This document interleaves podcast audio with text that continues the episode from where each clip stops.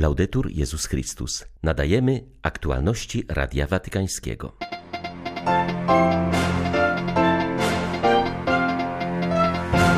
W waszym sakramencie obecny jest Jezus, przypomina chrześcijańskim małżonkom papież Franciszek w kolejnym filmie z okazji roku rodziny Amoris Leticia. Sanktuarium męczenników koreańskich w Seoshan stało się międzynarodowym miejscem kultu. Mam nadzieję, że coraz więcej osób znajdzie tu duchowe ukojenie, powiedział podczas uroczystej inauguracji biskup Kim.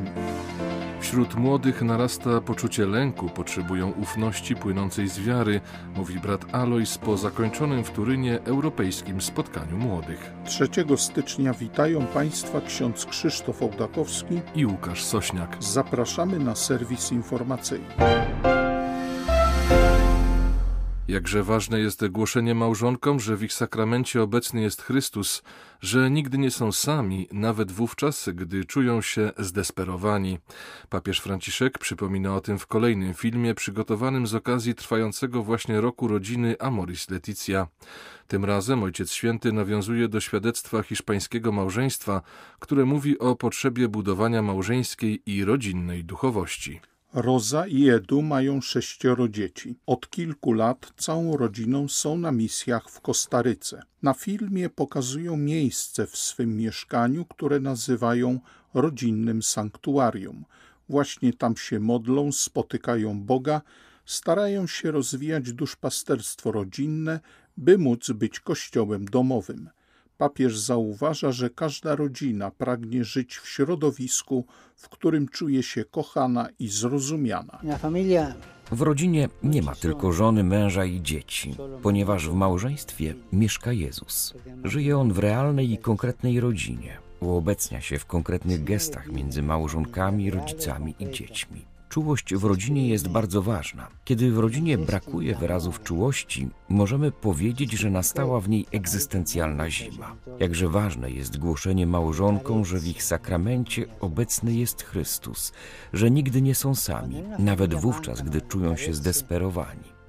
Dlatego ważne jest, by małżonkowie, którzy odkryli ten sekret, podzielili się nim z innymi jako przekazywanym słowem, które może oświecić łaską i nadzieją każdą rodzinę. Żadna rodzina nie rodzi się perfekcyjna i doskonała. Nie traćmy nigdy nadziei z powodu naszych ograniczeń. Jednocześnie nie zaprzestawajmy szukać pełni miłości i komunii, które zostały nam obiecane.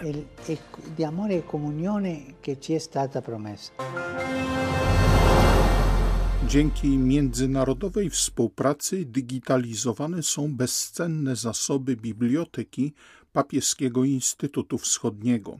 Jest to jedna z najlepiej wyposażonych na świecie bibliotek dotyczących chrześcijańskiego wschodu. W połowie roku zgromadzone w niej dzieła dostępne będą na wyciągnięcie ręki dla globalnej publiczności, bez konieczności odbywania podróży do Rzymu. Jest to biblioteka unikalna na skalę światową. Jej zbiory liczą około 200 tysięcy tomów i około tysiąca tytułów czasopism.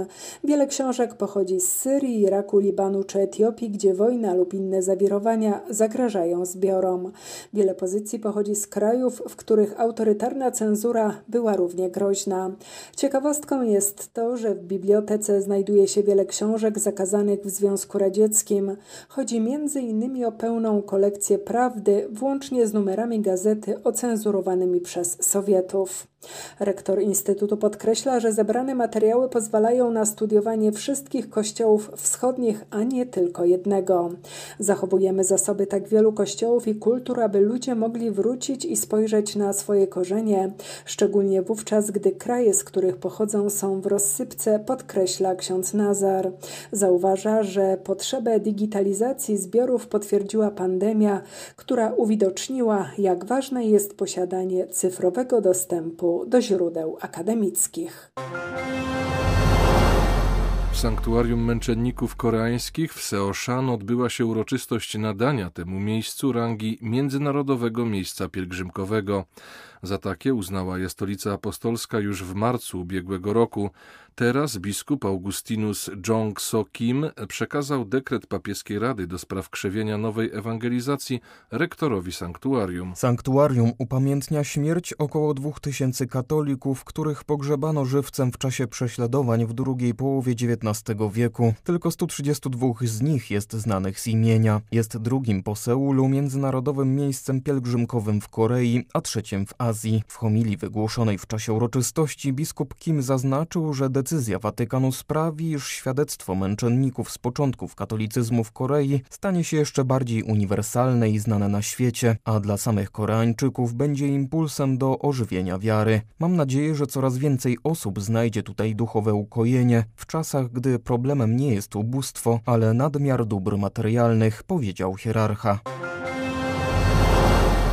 Wśród młodych narasta poczucie lęku, potrzebują planów na przyszłość, a tymczasem nie mogą jej sobie wyobrazić, nie wiedzą, co ich czeka. Mówi Radiu Watykańskiemu przeor ekumenicznej wspólnoty Steze. Po zakończonym właśnie nietypowym, dorocznym spotkaniu w Turynie przyznaje, że na młodych pokoleniach silnie ciąży aktualna atmosfera. Brat Alois podkreśla, że pandemia silnie naznaczyła nasze życie. Młodzi nie wiedzą, jaka będzie ich przyszłość, cierpią na skutek bezrobocia, często mają problemy z kontynuowaniem studiów czy formacji zawodowej, a przy tym czują w sobie nieodparte pragnienie, by się rozwijać i być razem. W takiej sytuacji, mówi brat Alois, bardzo ważne jest, by stawiać czoło tym trudnościom, zachowując w sobie postawę ufności. Ja i moi bracia w Teze chcemy, by ten rok rozpoczął się w ufności, którą czerpiemy nie tyle z sytuacji, bo jest ona trudna w kontekście pandemii, wprowadzającej głębokie zmiany do naszego społeczeństwa. My naszą ufność czerpiemy z wiary, że Bóg jest z nami i kocha świat. Posłał do nas Chrystusa i pozostaje obecny w świecie. Chrystus i Duch Święty są obecni i to daje nam odwagę, jak o tym mówi papież Franciszek w przesłaniu do braci z Teze i uczestników spotkania w Turynie. Bo otwierając się na obecność Chrystusa, nie odwracamy wzroku od cierpienia ludzi i aktualnych kryzysów, lecz patrzymy na tę rzeczywistość z ufnością. To właśnie w ten sposób chcemy rozpocząć ten nowy rok. Brat Alois ostrzega, że narastające poczucie lęku może prowadzić do podziałów również w naszych kościołach. Dlatego trzeba dbać o jedność i budować mosty, dodaje przeor wspólnoty z Teze. Prezydent Nikaragui Daniel Ortega skonfiskował wszystkie dobra, jakie Tajwan ofiarował kościołowi katolickiemu i przekazał je Chinom. Chodzi o budynek, w którym jeszcze trzy tygodnie temu mieściła się ambasada Tajwanu w Managui oraz pojazdy, których używali dyplomaci tego azjatyckiego kraju. Rząd w Tajpej natychmiast zareagował na ten akt przemocy, nazywając go bezprawnym przywłaszczeniem ze strony władz Nikaragui. 9 grudnia prezydent Ortega zerwał wszelkie relacje z Tajwanem, odmawiając uznawania go jako demokratyczne i niepodległe państwo. Stwierdził, że wyspa stanowi integralną część Chin. Do tego momentu Nikaragua była jednym z 14 państw na świecie, które uznawały Tajwan. Do tego grona należy również Watykan. W sytuacji ultimatum nakazującego opuszczenie Nikaragui przez dyplomatów do 23 grudnia, Tajwan przekazał swoje dobra archidiecezji w Managui. Całkowicie kontrolowana przez Ortegę prokuratura generalna orzekła, że władze kraju nie tylko uznały istnienie tzw. Tak jednych Chin, ale stwierdziły, że zakłada to natychmiastową rejestrację wszystkich dóbr, nieruchomości i wyposażenia na rzecz uznawanego państwa, czyli Chin. Działania podjęte przez Daniela Ortegę pokazują dwie rzeczy. Po pierwsze, jego ogromną niechęć do Kościoła katolickiego, który jako jedyny wystąpił w obronie studentów, którzy w kwietniu 2018 roku wyszli na ulicę w proteście przeciwko reżimowi. Ponadto Kościół próbował w odważny, choć nieskuteczny sposób podjąć się mediacji na rzecz uwolnienia ponad 150 więźniów politycznych. Działania Ortegi to także jasny sygnał wysłany do Watykanu i Kościoła katolickiego świadczący o otwartej wojnie, jaką dyktator toczy przeciwko nim co pociąga za sobą poważne konsekwencje, uwzględniając fakt, że instytucje te stanowią dzisiaj najbardziej uznawany autorytet w mediacji usiłującej rozwiązać konflikty, takie jak toczące się w Nikaragui. Biskup Sokoto, Matthew Hassan Kuka, potępił bierność władz Nigerii wobec prześladowań chrześcijan, które od dłuższego czasu nasilają się w tym kraju. Zauważył, że milczenie prezydenta Muhammadu Buhariego prowokuje dżihadystów do dokonywania morderstw, porwań oraz innych aktów przemocy i jest wyrazem współudziału w ich zbrodniach. Biskup Sokoto oskarżył władze Nigerii o brak szacunku dla ludzkiego życia. W orędziu bożonarodzeniowym zaapelował do prezydenta o rozliczenie się z ogromu przemocy, która pustoszy kraj. Milczenie rządu wobec zbrodni samo jest zbrodnią. Jest współudziałem w czynach podłych ludzi, którzy swoimi działaniami narażają na szwank przyszłość całych pokoleń, powiedział biskup Kuka. Przypomniał dramatyczną sytuację chrześcijan mieszkających na północnym wschodzie Nigerii, gdzie większość stanowią wyznawcy islamu. Zaznaczył, że wyznawcy Chrystusa są tam prześladowani przez dżihadystów, którzy nie odpuszczają nawet muzułmanom niezbyt ściśle przestrzegającym prawa koranicznego.